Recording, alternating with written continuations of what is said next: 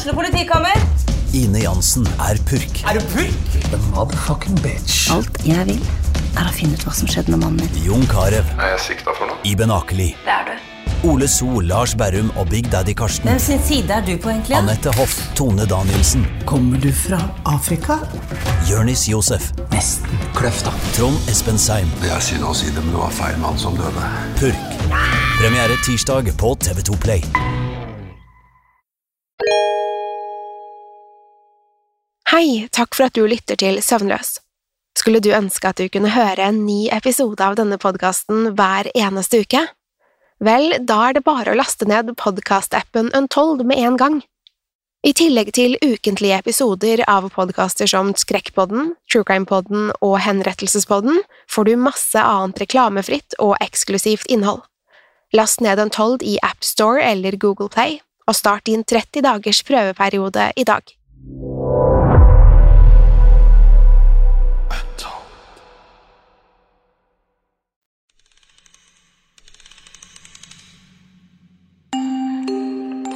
Om du har planer om å sove og drømme søtt i natt, er dette ikke podkasten for deg.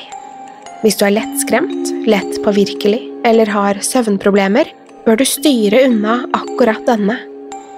Om du likevel vil ta sjansen, eller er på utkikk etter en unnskyldning for å ikke sove, så har du kommet til rett sted.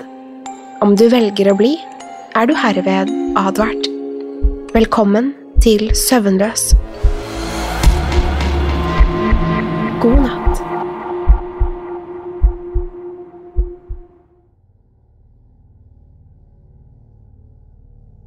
Han sitter alene i et mørkt rom. Det eneste lyset kommer fra en enkel lyspære over arbeidsbordet hans. På bordet ligger det et hode. Han hadde vært ytterst forsiktig da han fjernet det fra kroppen og passet på at det ikke tok skade. Huden og nakkemusklene hadde vært enkle å skjære gjennom. Det var da han traff ben at det ble vanskelig. Det hadde vært så mye enklere å sage gjennom ryggraden, men han er ikke interessert i å forenkle prosessen. Han er mer opptatt av presisjon og perfeksjon. Det skal ikke finnes feil i kunst. Han hadde brukt en liten hammer og meisel til å løsne skallen fra ryggraden. Prosessen hadde vært langtekkelig, men det var verdt det. Hodet som ligger på bordet nå, er i utmerket stand. Han henter frem en skalpell fra instrumentskrinet sitt og sørger for at den er skarp nok. Han bruker kun de beste instrumentene. Så nikker han lett for seg selv og smiler. Han vet den er skarp nok, men det skader aldri å sjekke. Han plasserer skalpellen like ved hårfestet og snitter akkurat dypt nok til at han penetrerer huden. En gang i tiden hadde han mest sannsynlig kuttet helt ned til skallen, men han har tatt store steg siden den gang. Han vet nøyaktig hvor mye press han skal legge på kniven. Med stødig hånd snitter han en pen linje langs hele hårfestet. Han stopper for annenhver centimeter og flytter på hodet, bare for å være sikker på at linjen blir så rett som mulig. Det skarpe bladet treffer til slutt det samme punktet som han startet på. Han setter skalpellen i en krukke. De få dråpene blod som har lagt seg på bladet, farger den klare væsken lyserosa.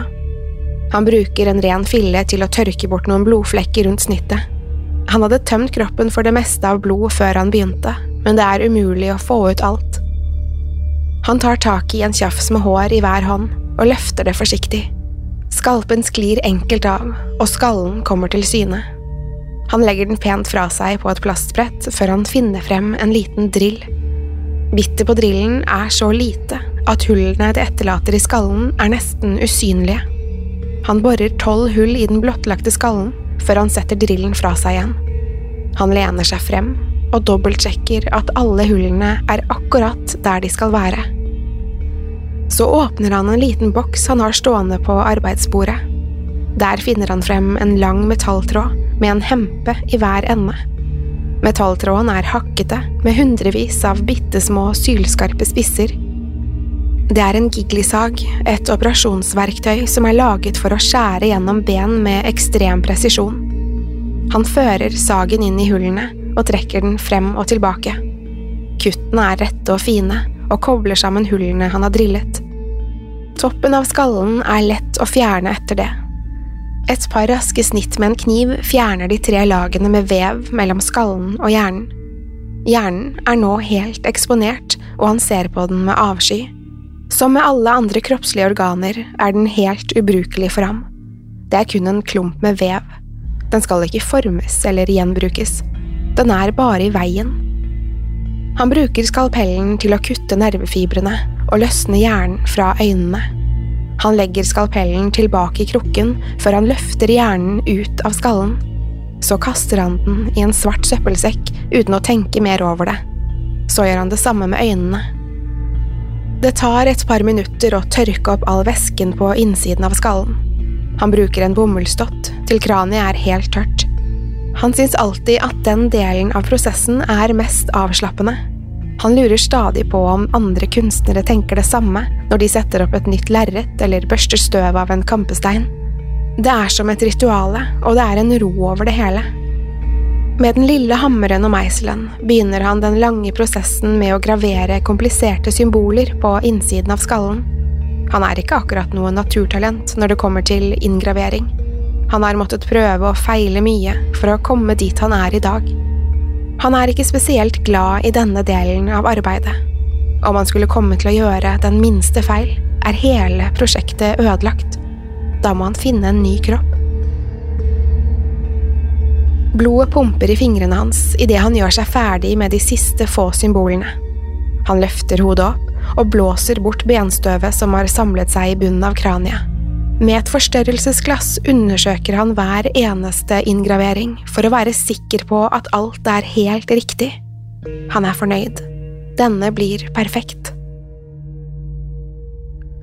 Fra en liten hvit flaske smører han sterkt lim langs kanten av kraniet så setter han toppen av skallen på plass igjen. Han venter tålmodig mens limet tørker.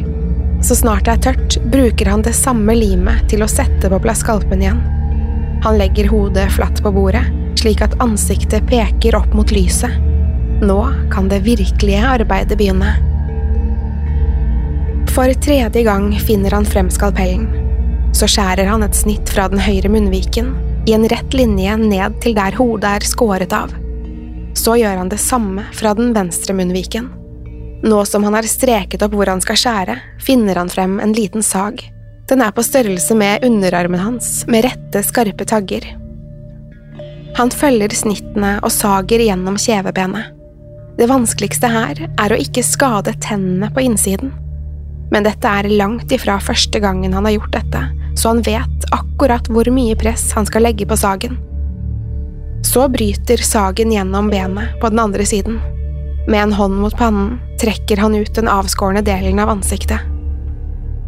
Tungen faller ned gjennom den nye åpningen og klasker i arbeidsbordet med et vått dunk. Han legger den delen av kjeven han har fjernet i en bøtte, før han skjærer tungen løs og kaster den i søppelsekken.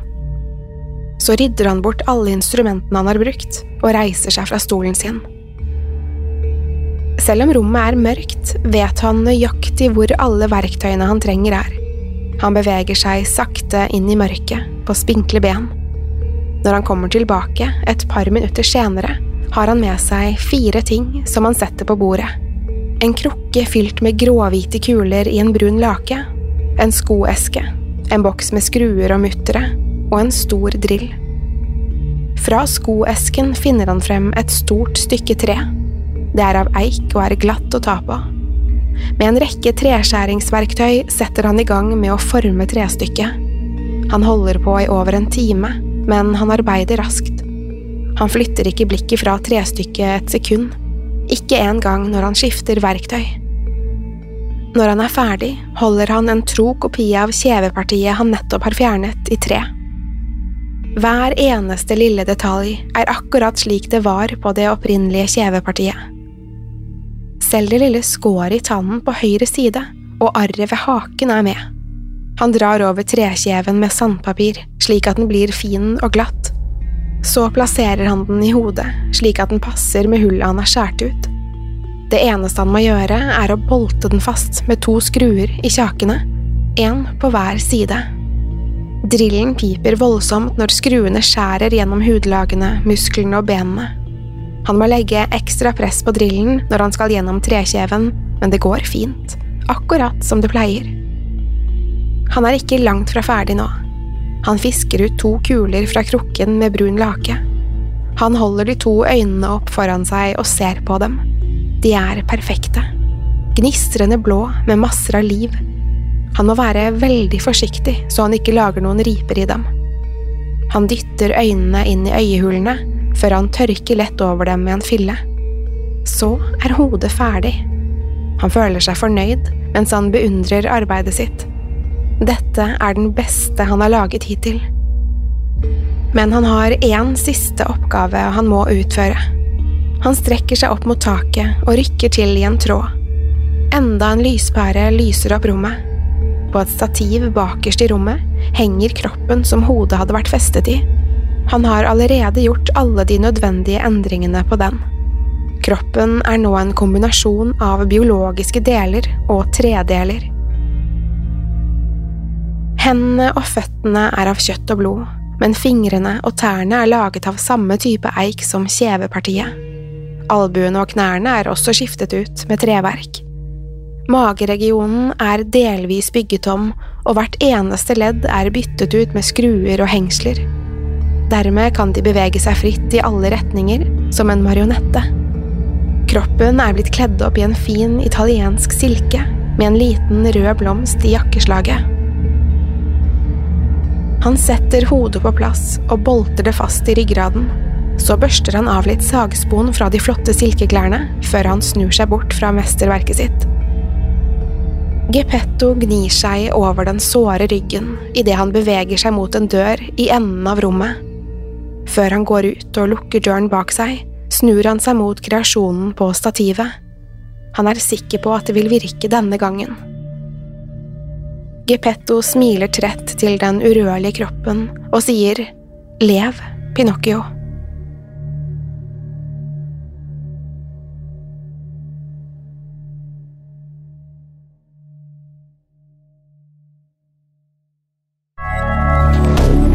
Moderne media. Har du et enkeltpersonforetak eller en liten bedrift? Da er du sikkert lei av å høre meg snakke om hvor enkelt det er med kvitteringer og bilag i fiken, så vi eh, gir oss her, vi. Fordi vi liker enkelt. Fiken superenkelt regnskap.